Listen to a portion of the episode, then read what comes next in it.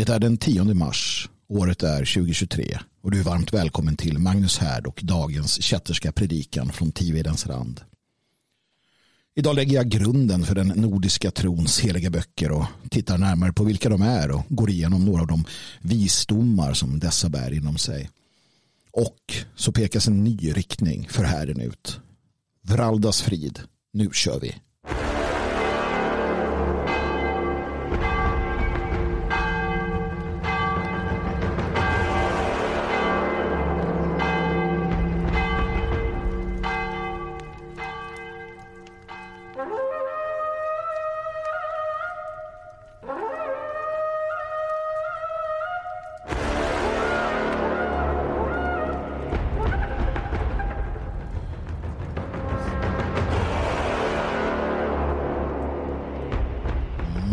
Som sagt varmt, varmt välkomna är ni alla till Svenskarnas hus.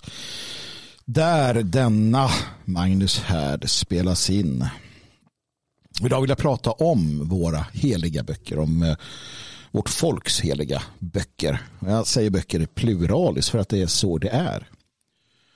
Och jag vet att somliga de hänger upp sig på till exempel Bibeln och menar att Bibeln är den enda sanna källan till sanning och rätt. Att Bibeln är Guds ord.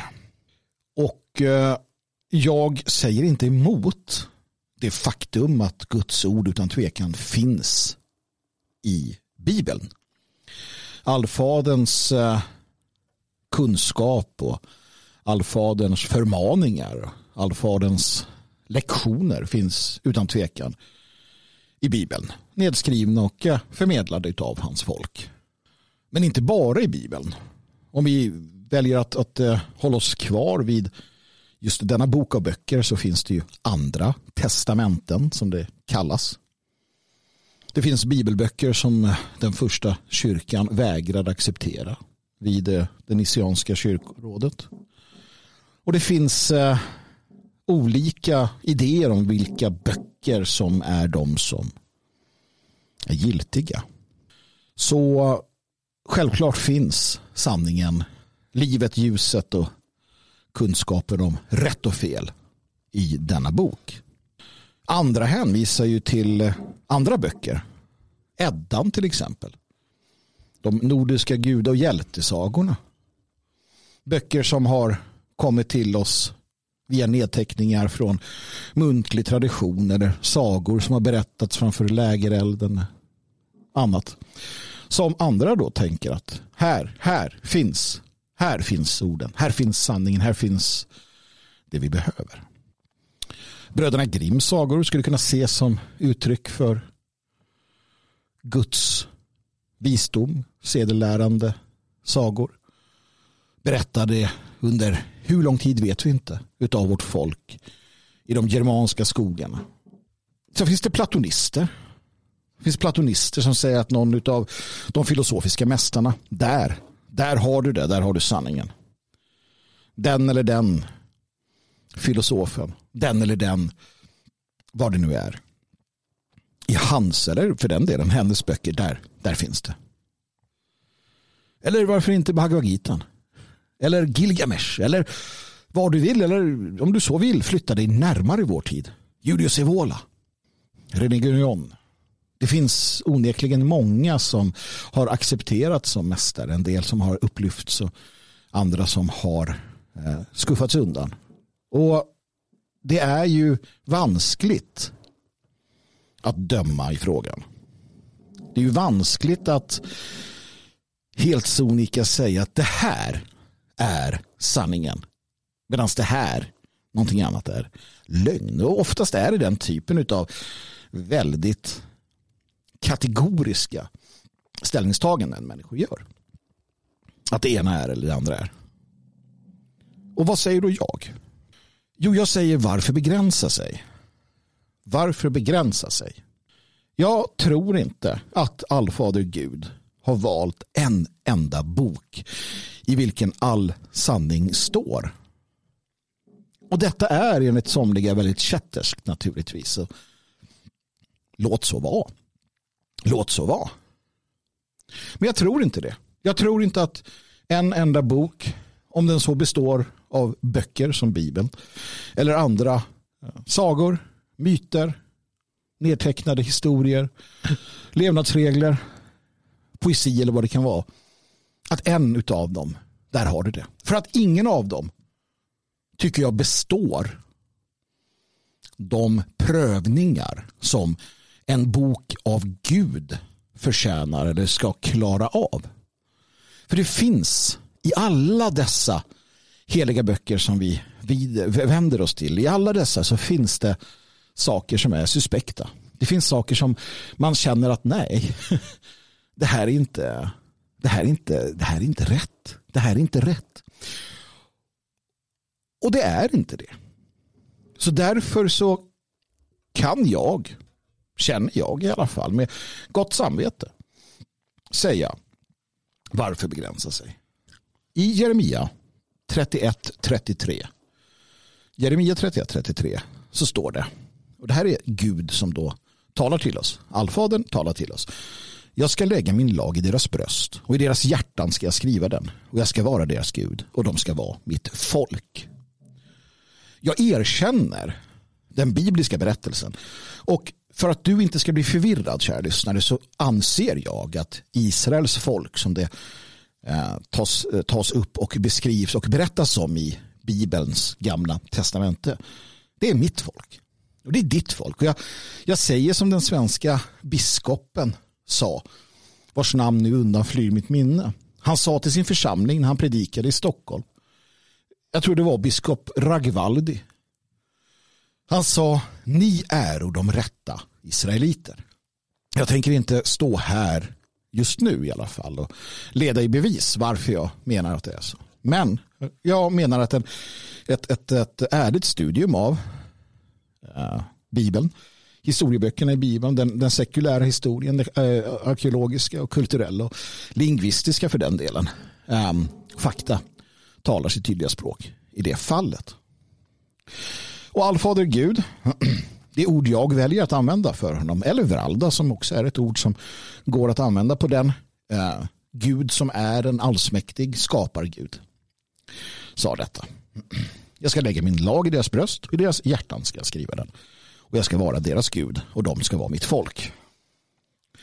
Det här betyder, kära du, att om du tillhör Guds folk så har du Guds lag skriven i ditt bröst, i ditt hjärta, i ditt minne. Du är hårdprogrammerad. Du är vid födseln programmerad att ha detta. Det betyder att du har förmågan att manövrera rättfärdigt. Du har förmågan. Du har det som krävs för att också när inte en mästare, en lärare eller Guds röst för den delen finns tillgänglig för dig så kan du fortfarande göra det som är rätt och det som är fel. Och jag menar, och det här har jag pratat om många gånger, att om du bara för en sekund stänger av allt det här oljudet som finns kring dig, eller alla dessa pladdermajor på tv, i poddar eller vad det kan tänkas vara, och vänder dig inåt, du vänder dig inåt och lyssnar, så kommer du förstå, så kommer du känna vad som är rätt och vad som är fel. Det här gäller naturligtvis inte psykiskt sjuka människor. Det gäller inte psykopater, narcissister, människor som på andra sätt är besatta av eller som har någon form av störning.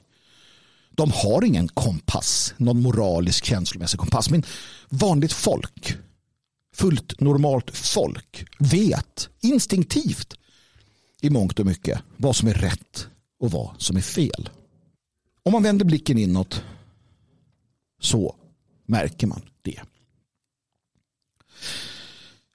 Och vår far, låt oss benämna honom som det. Vår fader, allfader Gud, han talar till oss på många olika sätt.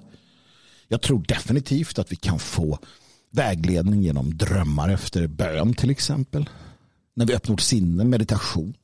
När vi kontemplerar kunskap eller problem. Jag är helt övertygad om detta. Och det är jag för att jag har varit med om det. Men vi har också fått en räcka av heliga böcker. Kunskap. Och det fortsätter att komma kunskap till oss. Och vi har givits förstånd Återigen, jag lägger min lag i deras bröst och deras hjärtan. Vi har fått förstånd att förstå dessa heliga böcker. Vi har fått förstånd att kunna se när någonting är heligt och när någonting inte är det. Jag eh, vill inte. Jag vill inte att någon ska gå miste om eh, inspiration, om kunskap eller om eh, annat som är till gagn för oss. Bara för att någon annan, någon präst eller gode eller andlig ledare eller vad man nu vill kalla dem kräver att du ska underställa dig just den här eller den här boken. Vi är inte sådana. Germanen är inte sådan. Förvisso så eh, är vi, är vi utan tvekan sådana som när vi hittar rätt, när vi känner att vi är hemma, när vi känner att här, här får jag det jag behöver, här får jag det jag, det jag, det jag behöver för att klara vardagen och, och göra det som behöver göras, då är man lojal. Då, då har man inte så mycket intresse av att, att eh, skaka på den båten, att gunga på den båten som det heter. Men jag vill inte att någon ska känna att nej, jag får bara läsa nya världens översättning av den heliga skriften. Eller nej, det är bara kung John, King James version of the Bible. eller Ferry 15. Eller det är bara Ljung, inte Ljunglöv, Ljunglövs ettan. det är fel. Eddan, inte, ja, det är bara den översättningen. Eller det är bara den här Bhagavad Gita. Eller det är bara det här. Gör inte så mot dig själv.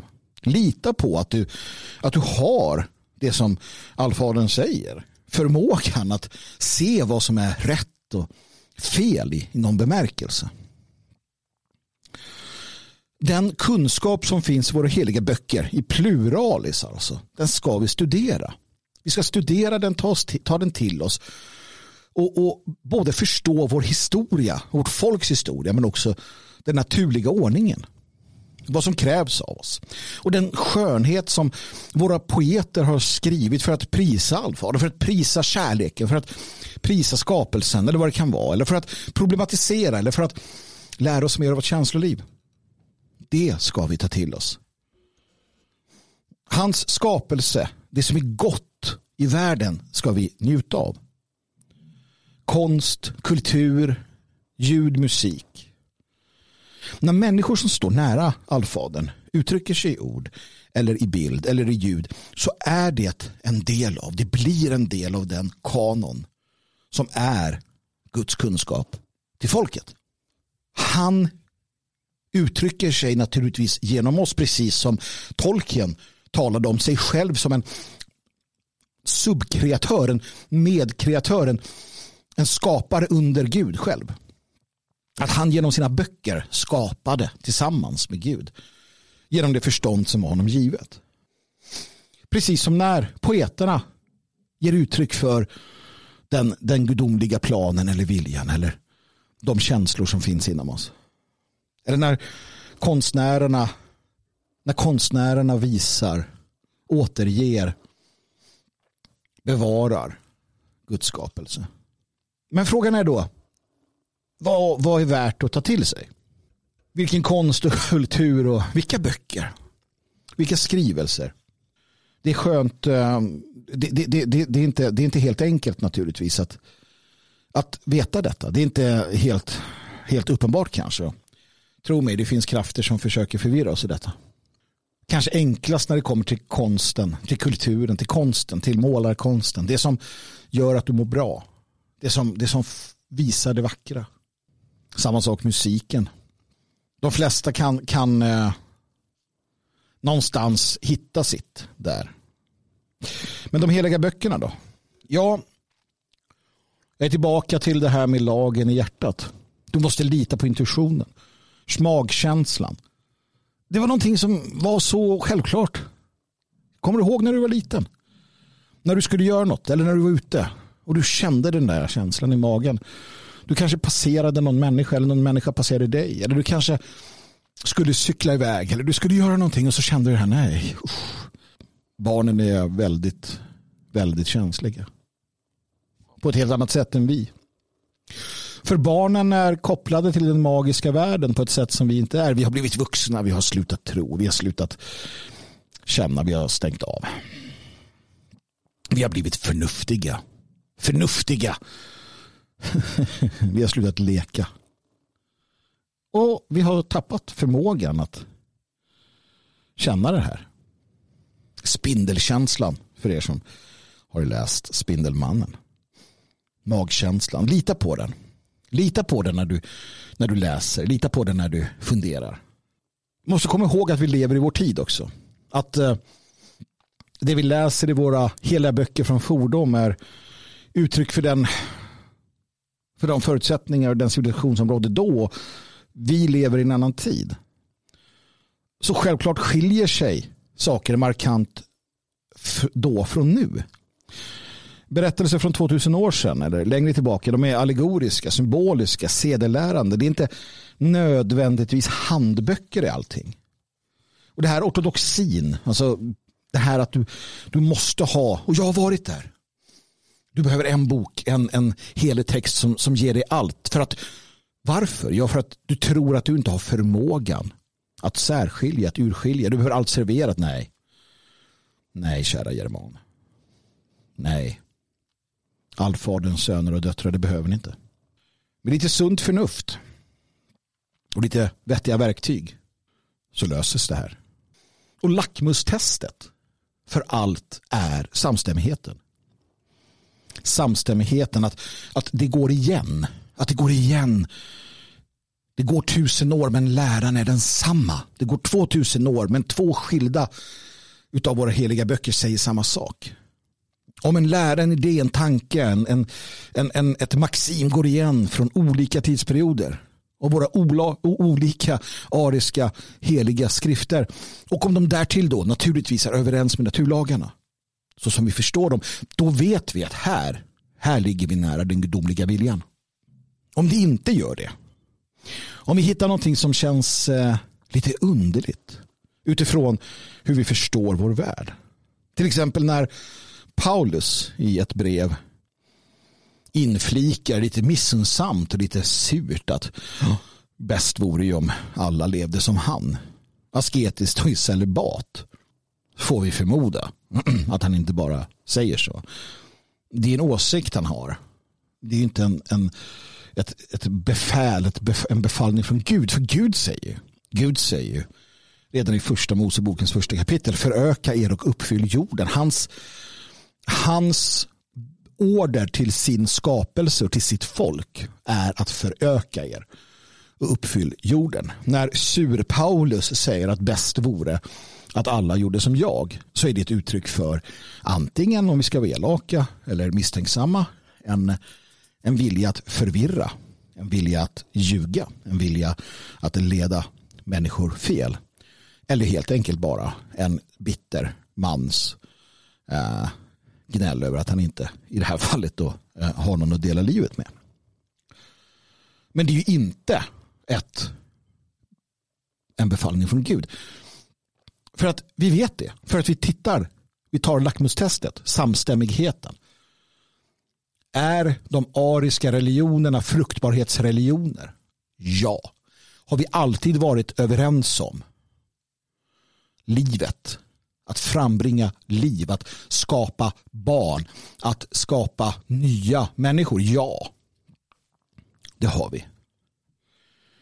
Som sagt, föröker uppfyll jorden när vi har allt det här och att vi sen tittar, vad är den naturliga lagen? Jo, den naturliga lagen är att driften att föröka sig är en av de mest grundläggande. Ja, då vet vi att här har vi gudomlig sanning. För det överensstämmer med varandra. Det överensstämmer från flera hundra eller flera tusen år av kunskap och det överensstämmer med den naturliga lagen. Då har vi menar jag, ett vattentätt tecken. Ett bevis på att det där, det är Guds ord. Och då kan vi helt plötsligt utnyttja och se och nyttja, inte utnyttja kanske är fel ord, men nyttja en uppsjö utav heliga böcker. Helt plötsligt så vidgas vår horisont hundrafalt. Vi inser att det finns sanningar och kunskap att hämta Vi behöver inte exklusivt få allt att passa för att det måste vara Bibeln. Sen kommer du hitta dina favoriter. Absolut. Du kommer hitta de böcker, de skrifter där allfader Gud, Vralda, IHVH, vad du nu vill, talar till dig som bäst. Personligen så menar jag fortfarande att Bibeln som helhet både berättar en, en historia som är viktig för oss att förstå som Guds folk men också att där finns det en, en, en, en väl bevarad och väldigt eh, konkret sanning i, i, i det att det finns väldigt mycket att ta utav. Det är mycket som är bevarats där.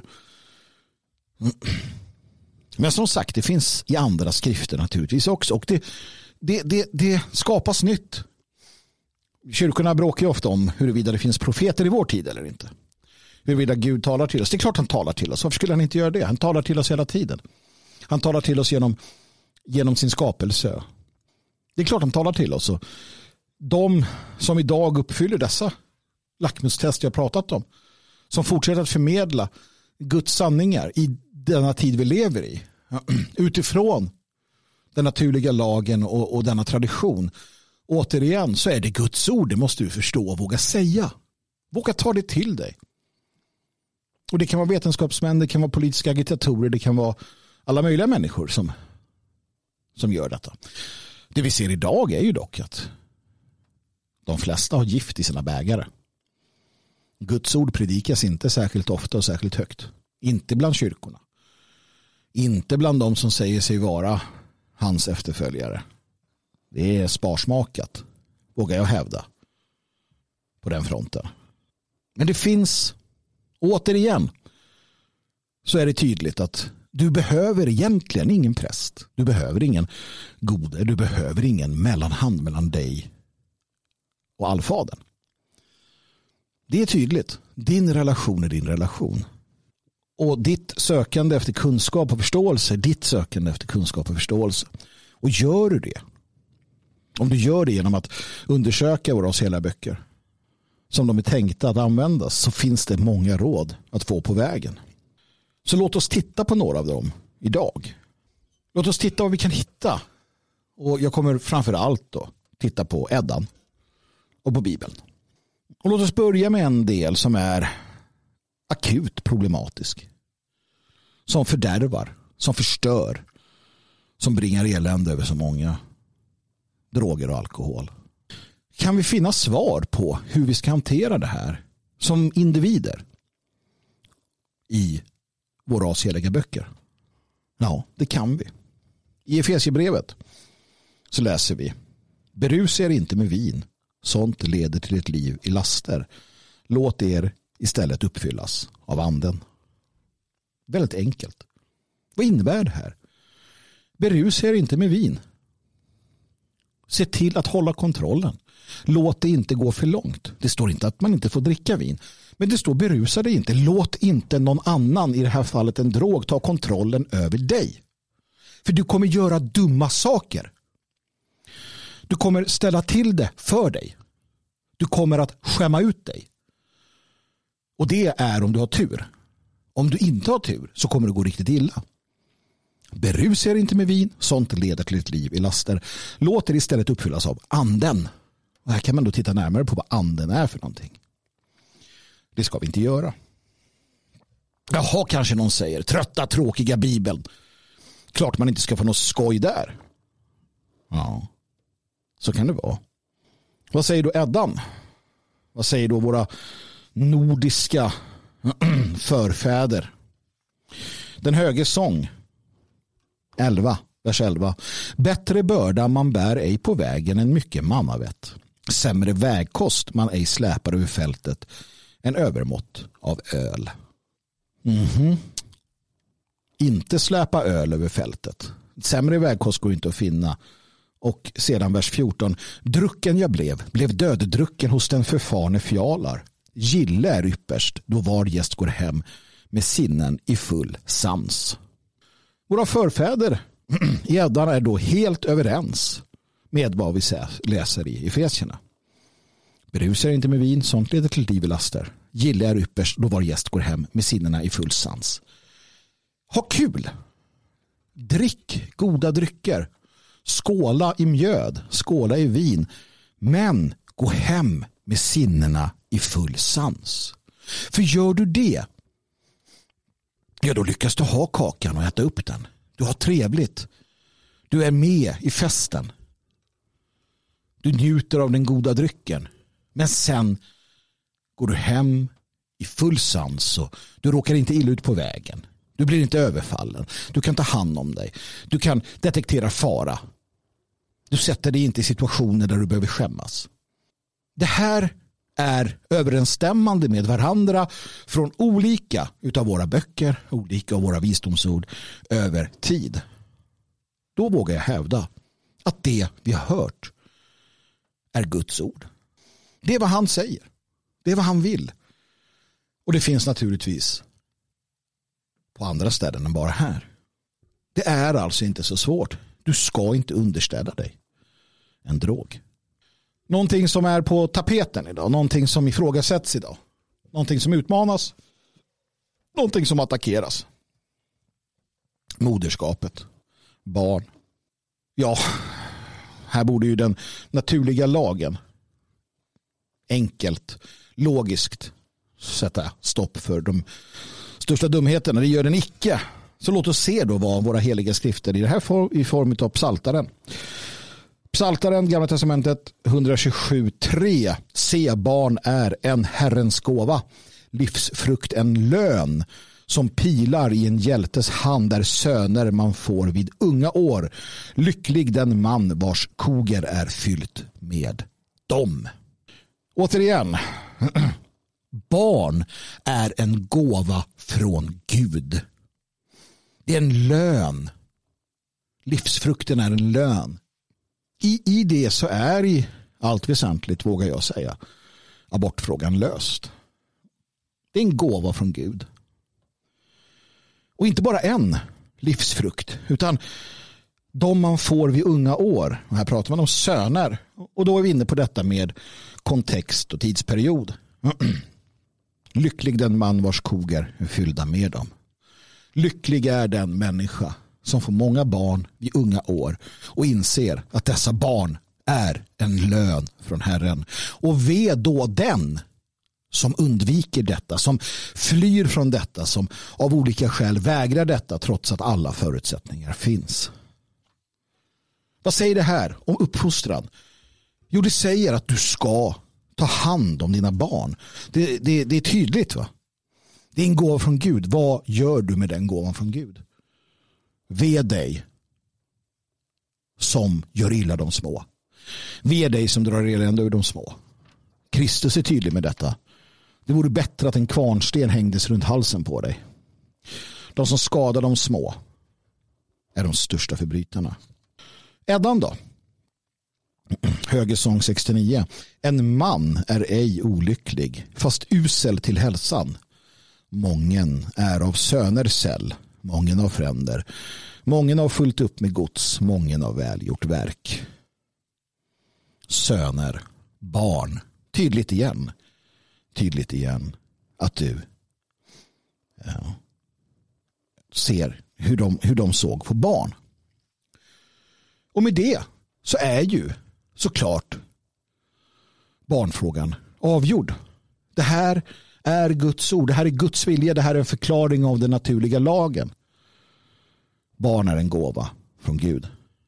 Det här med eh, elände i världen.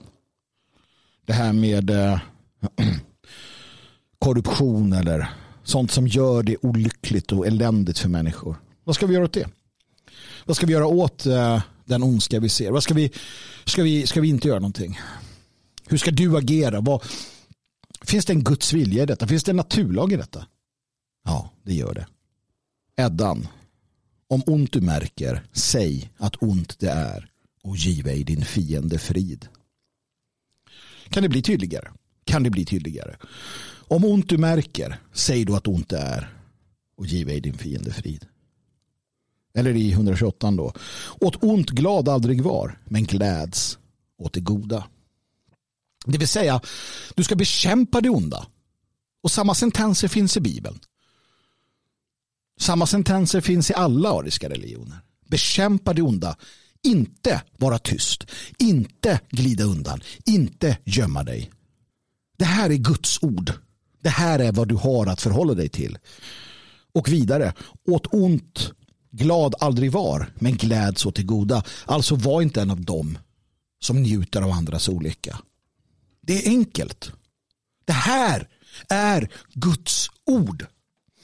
Skit i vad prästerna i kyrkan säger.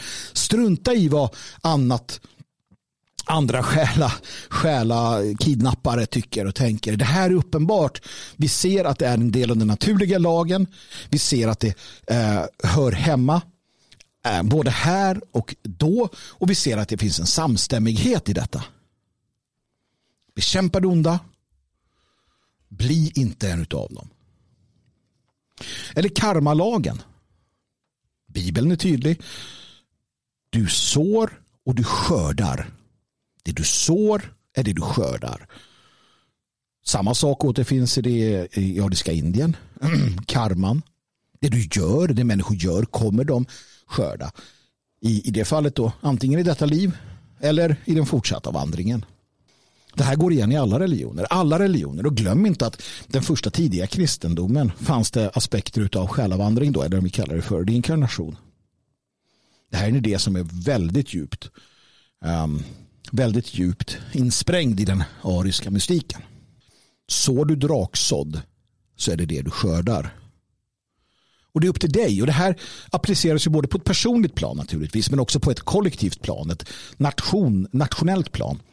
Betänk att Bibeln i sin helhet till 95 procent eller någonting handlar om hur du organiserar ett kollektiv. Den handlar inte om din personliga frälsning. Det är en väldigt liten del av det hela. Framförallt handlar den om hur du organiserar ditt folk. Och i detta så är naturligtvis karmalagen en väldigt, väldigt avgörande del. Men Guds inspiration finns inte bara i de här heliga böckerna. Det finns fler heliga böcker. Det finns fler, fler profeter. Ta till exempel Heidenstam, Verner från Heidenstam. Strofen från Åkallande löften. Det är skönare lyss till en sträng som brast än att aldrig spänna en båge. Hur mycket djup kunskap finns inte i detta? Hur mycket djup kunskap finns inte i förståelsen av att det är bättre att försöka och misslyckas än att aldrig försöka? Det, det, går igen i alla våra religioner. Försök. Även om du dör på vägen. Om det är en inspirerad handling. Om det är ditt livs öde att du ska du ska se vad som finns på andra sidan den där bergstoppen. Du ska se vad som finns på andra sidan den där sjön. Du ska bryta ny mark. Du ska skapa någonting nytt. Gör det om det är det som är det som överväldigar dig. Om det är det som är Guds uppdrag till dig, ditt öde, så gör det även om du misslyckas på vägen. För det är skönare lyss till en sträng som brast än att aldrig spänna en båge. Allting vi råkar ut för, allting som vi finner problematiskt i denna tid kan få sina svar när vi söker i vår ras heliga skrifter. Livet är evigt och mäktigt och grymt och isande kall. Intet är jag, men min ras och min rot och min stam är och allt. Så diktade Bertel Gripenberg i invokation. Återigen en gudomlig sanning som uppenbaras med några få ord. Sanningen är alltid nedtecknad med ford. Glöm inte det. Intet är jag med min ras och min rot och min stam är och allt. Förståelsen av släkt släkten som kommer och går. Förståelsen av dig själv som en del i en evig kedja av människor. En del av ett folk som har en början. En början och en evighet där vi ska göra Guds vilja. Vikten av att din ras, din rot, därifrån du kommer. Det är det som är det viktiga. Det är det du ska bevara. Det är det du ska hålla kärt. Det är och allt. Bevara Gud, vårt svenska folk, för svek och argan list. Och låt oss varda till en tolk för världen som vi mist. Bevara oss jämväl för allt som tar i övermod gestalt och lär oss akta andras väl, men först och sist vår egen själ. Karlberg. Karl-Enfrid Karlberg. Bevara oss. Bevara Gud vårt svenska folk. Återigen, sanning. Sanning skriven. Lär oss att akta andras väl. Men först och sist vår egen själ. Vi är denna värld. Vi är denna världs trädgårdsmästare. Vår ras har som öde och uppdrag att vara trädgårdsmästare på denna planet. Och vi ska akta andras väl. Det är vår roll. Men först och sist vår egen själ. Återigen en gudomlig, gudomlig sentens uttryckt här. En gudomlig tanke. Våga se detta, våga ta det till dig. Kasta av dig oket från de som vill fånga din själ i en, en förklaringsmodell. Du kommer aldrig lära känna den fantastiska mångfacetterade fader vi har om du stängs in utav dem. Jag vägrar att stirra mig blind på en källa. På en helig bok där allfader Guds undervisning finns överallt. Härdens folk. Vi omfamnar vår ras arv, hela arvet. Och vi vänder oss ödmjukt till det, denna gudomliga vishet. Denna gudomliga vishet som förmedlas till oss genom generationer för 5000 år sedan, för 10 000 år sedan och för två år sedan och för 200 år sedan. Den fortsätter de facto att förmedlas till oss i denna dag. Vår nordiska tro, nordtro, berättar att vi ska lita på vår fader och Gud när han säger att lagen finns i våra hjärtan. Och beviset för detta, beviset för att vi ska lita på honom, beviset för allt det här finns i skapelsen. Om vi tittar i Romarbrevet 1.20 står det ända sedan världens skapelse har man tydligt kunnat se hans osynliga egenskaper. Både hans eviga kraft och hans gudomlighet. För de kan uppfattas genom det som är skapat. Därför är man utan ursäkt. När man tittar på vår värld, när man tittar på den, den skapelse vi lever i, då förstår man att här finns en Gud. Här finns en eh, skapare. Här finns en arkitekt. Här finns en byggherre. Det var uppenbart för våra förfäder. Det var uppenbart för de, de första, de kloka männen i vår tid. De, de, de eh, uppfinnare vi har sett, de vetenskapsmän vi har sett. Alla var överens, fram till ganska nyligen, om att det naturligtvis finns en skapargud. Och att det naturligtvis finns ett folk som är denna Guds barn. Och det finns ett uppdrag till detta folk. Det är uppenbart. Det är uppenbart. Och detta måste predikas. Det är det här budskapet som måste fram. Det är det här som vi måste bryta igenom i en tid då man gör allt för att förvägra oss förståelsen för denna verklighet. Man vill få oss att bli de här materialistiska, egen, eh, egoistiska varelserna. Vi måste predika det här denna kunskap, den här insikten om de fantastiska gåvor som finns i våra heliga böcker. För att när vi möter vår framtid med dessa heliga böcker, med denna kunskap, när vi, när vi, när vi, när vi ser det som händer idag och sen tittar vi på vad Heidenstam skriver. När vi tänker, vad ska jag göra, hur ska jag gå vidare i denna tid då det är problematiskt. Och han säger åt dig, det är bättre att lyssna till en sträng som brast än att aldrig spänna bågen. Då inser du att du kan inte bara sitta där och invänta det slut som kommer att komma. Du måste ta risken. Du måste förstå vilken din roll är och ta risken och spänna bågen. Kanske brister den, kanske faller du. Men det är skönare än att invänta en ålderdom och död utan att ens ha försökt. Du vet vad som gäller. Barn är Herrens gåva. Lita på det. Lita på att när du gör det du ska så blir du välsignad.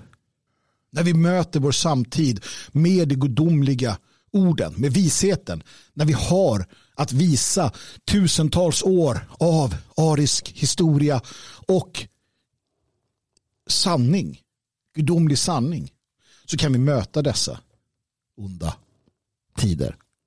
För då kommer vi inspireras att ta ansvar när vi förstår det här. Vi kommer veta vad vi måste göra Vi kommer inse vad vi inte kan göra. Som folk och som individer kommer vi att kunna finna vägar att göra det som är rätt och det som är vårt öde. Och också detta vad som är vårt öde berättar våra heliga böcker. Och det är det som jag vill använda härden till framöver. Jag sa inledningsvis att det blir en eh, ny riktning idag. Och det blir det. Och den riktningen är att på djupet analysera vår samtid utifrån den gudomliga eviga visdomen. Genom att använda denna uppsjö av fantastiska visdomar som vi har för att förklara vad som måste göras. För att förstå varför det som händer händer. För det är det som är meningen. Det är det som är meningen. För då blir vi inspirerade. Och vi kommer veta vad vi måste göra. Och vi kommer förstå varför och hur. Och som folk och som individer kommer vi kunna finna vägar att göra det på. Att göra det som är rätt. Att göra det som är vårt öde. Det är det vi måste förstå. Och när jag pratar om detta, när jag lyfter detta framledes, så blir härden en plats för gudomliga sanningar. Jag sticker gärna ut den hakan och svingar du som vill. Svingar du som inte förstår. Det gör mig ingenting. Härden blir en plats för gudomliga sanningar. En plats där allfaderns folk samlas och lär känna sig själva. Och därmed lär känna sin fader. Skapar guden. Den kosmiska arkitekten. Och vad som är meningen med våra liv. Allfader Gud välsigna oss och bevara oss. Allfader Gud låta sitt ansikte lysa över oss och vara oss nådig. Allfader Gud vände sitt ansikte till oss och ge oss frid. Avslutningsvis, kära lyssnare, kära härdens folk vill jag eh, tacka er för uppmärksamheten. Jag vill framförallt tacka alla ni som är eldvakter på magnushärd.se. Det är ödmjukande för mig att veta att ni finns där. Och eh, det hjälper mig att hålla kursen. Tack alla ni som hjälper till och ni som drar ert strå till stacken. Om du kan så bli gärna medlem på Magnus Härd. Det finns olika sätt. Antingen för dig som inte har någon möjlighet att hjälpa till ekonomiskt och för dig som har det. För mig så spelar det ingen roll ärligt talat. Jag kommer alltid göra det jag gör. Du är varmt välkommen att följa mig på Twitter. Svegot Magnus heter jag där. Och jag ber dig att titta på odalboden.se. En eh, webbshop för den, eh, den nya allmogen som jag kallar för allmogen av idag. Om du handlar därifrån så hjälper du härden och du hjälper oss att fortsätta med det här viktiga arbetet. Naturligtvis Svegot. Svegot.se. Varje vardag sänder vi dagens Svegot. Detfriasverige.se In, intresseföreningen för svenskar. Där jag tror att du kan hitta en plats. Och logik.se.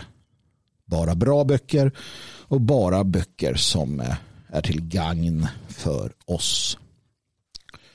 Jag avslutar med att återigen påminna om livets mening. Var en varulv, slåss med troll och befria prinsessor. Det är att leva. Och sist men inte minst, ge aldrig upp.